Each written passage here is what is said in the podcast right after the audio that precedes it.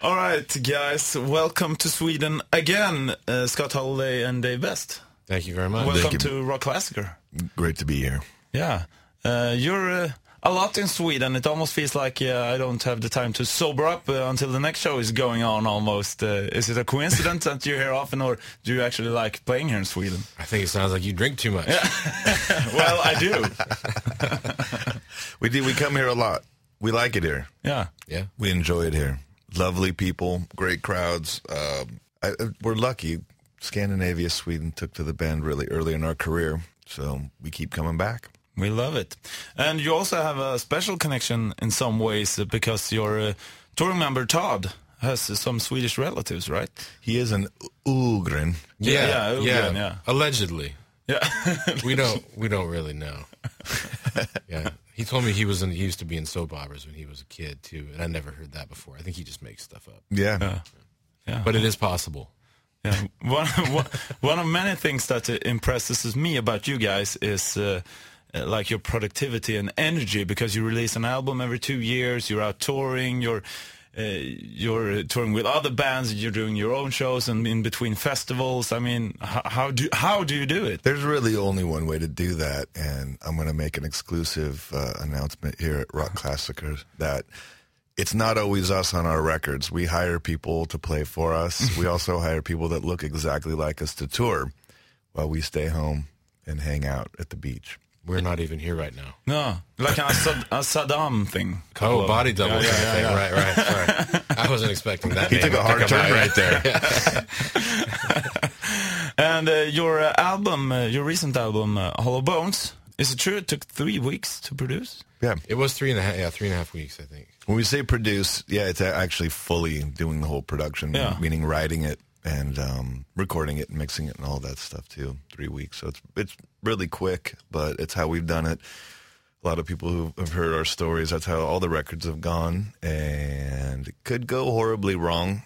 Luckily, it goes all right for us. But is it like that you have so much uh, like material every time you're done that you have ah we can save that to the next one as well, or do No. you do just one? No, no. I mean, there's you know there will be some songs that don't make the cut, but usually once they're in the trash, they're in the trash forever. We're harsh. We, Yeah. we're, we're definitely a fan of "Kill Your Darlings." So if um, everyone's not loving something, it the song goes away very quickly. and we only put on on the record the things that we all really believe deserve to be on there. Even this record, we probably recorded twenty songs in this session for Hollow Bones, and we put out nine.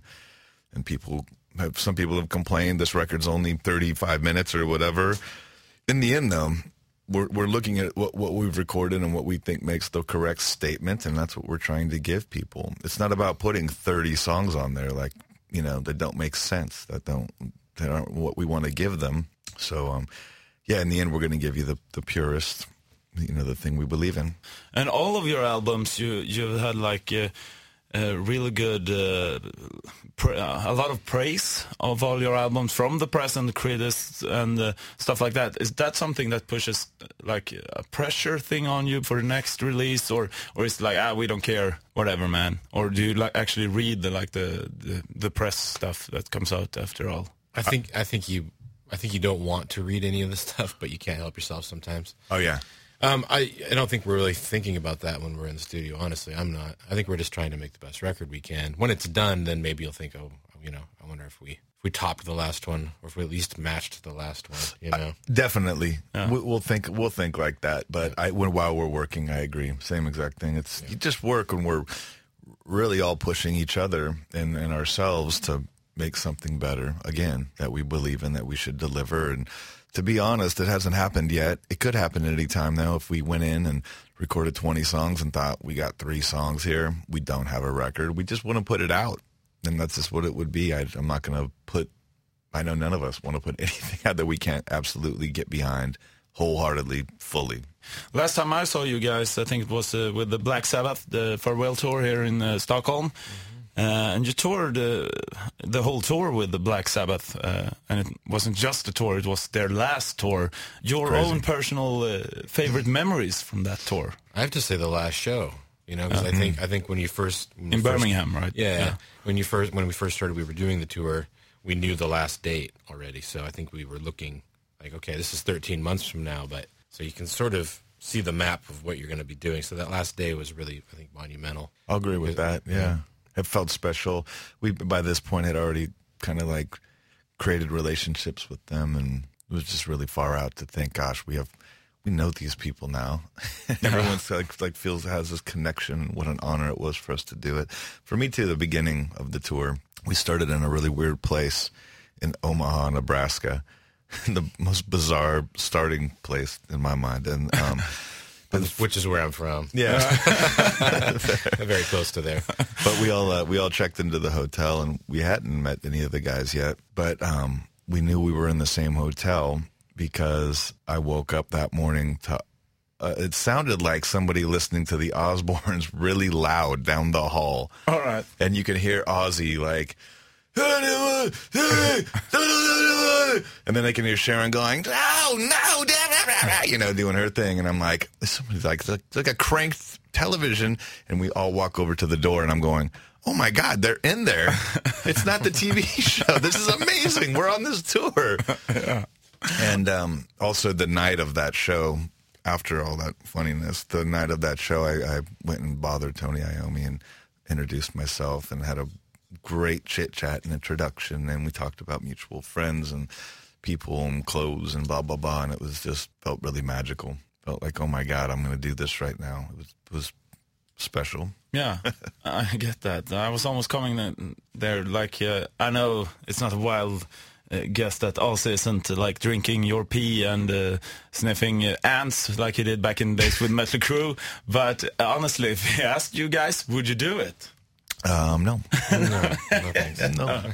No, I said, what did you do between like the shows and stuff like that? Um, but between dates, you mean? Yeah, yeah, exactly. We played. Yeah, we did a lot of our own shows. Yeah. Yeah, yeah, yeah, you're yeah, yeah. We booked a lot of our own. Un- right. unfortunately, we, we aren't afforded private jets and days off. So when we had a day off, we had to go make money. And, and, uh, and also because we're in a territory, we should play and not for 40 minutes. We should play for an hour or whatever, hour and a half. Yeah. So that's what we did. You've also toured with a lot of uh, the greatest bands like uh, Aerosmith, Deep Purple, and so forth. Uh, any like stories that sticks out during your touring careers? with Tell them something about Deep Purple. Deep Purple. Yeah.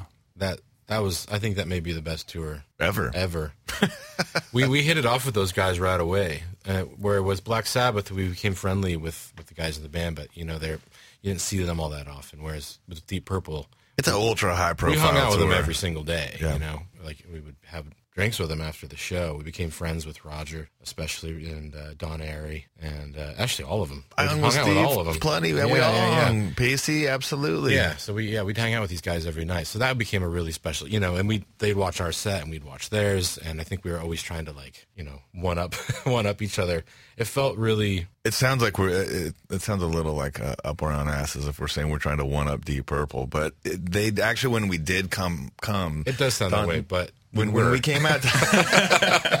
and they and they're the ones that told us that you know Right. like we're playing. They said that we they felt they were playing better because they Yeah. had they had to follow us every night, which was a huge compliment. which you have no words. yeah. I mean that's like When yeah. Don Airey's standing across from you and telling you this, and Roger, you you kind of just go, uh, uh, uh, yeah cool. but yeah, it was funny because that tour, I'd be like getting ready to go to bed and or just go to the bus or whatever, getting your like jammies on and or whatever your cozy bus clothes, and I'm calling it a night. I'm not drinking tonight or anything, and I'm in the dressing room getting all my stuff out, and sure enough, I open the door and there's Roger, and he's got his paraphernalias and the thing, he has a bottle of scotch or something. He's like, "Hey, we're gonna hang out, right?" Puts it down, and I go, "I'm not going to bed. Then I guess we'll be hanging out." That's awesome. yeah, it's, it was it was really a great special tour for us. Yeah. And they've and they've stayed friends. You know, um, we actually have Don's son out on the road with us as a tech right now. yeah, All right. we stole him. Yeah, we stole him. I guess since we're friends, we can steal from you now, right? yeah, right. And uh, you know, Roger Glover came out to our show in Zurich, and um, yeah, so it's it's it's been really cool. It's awesome.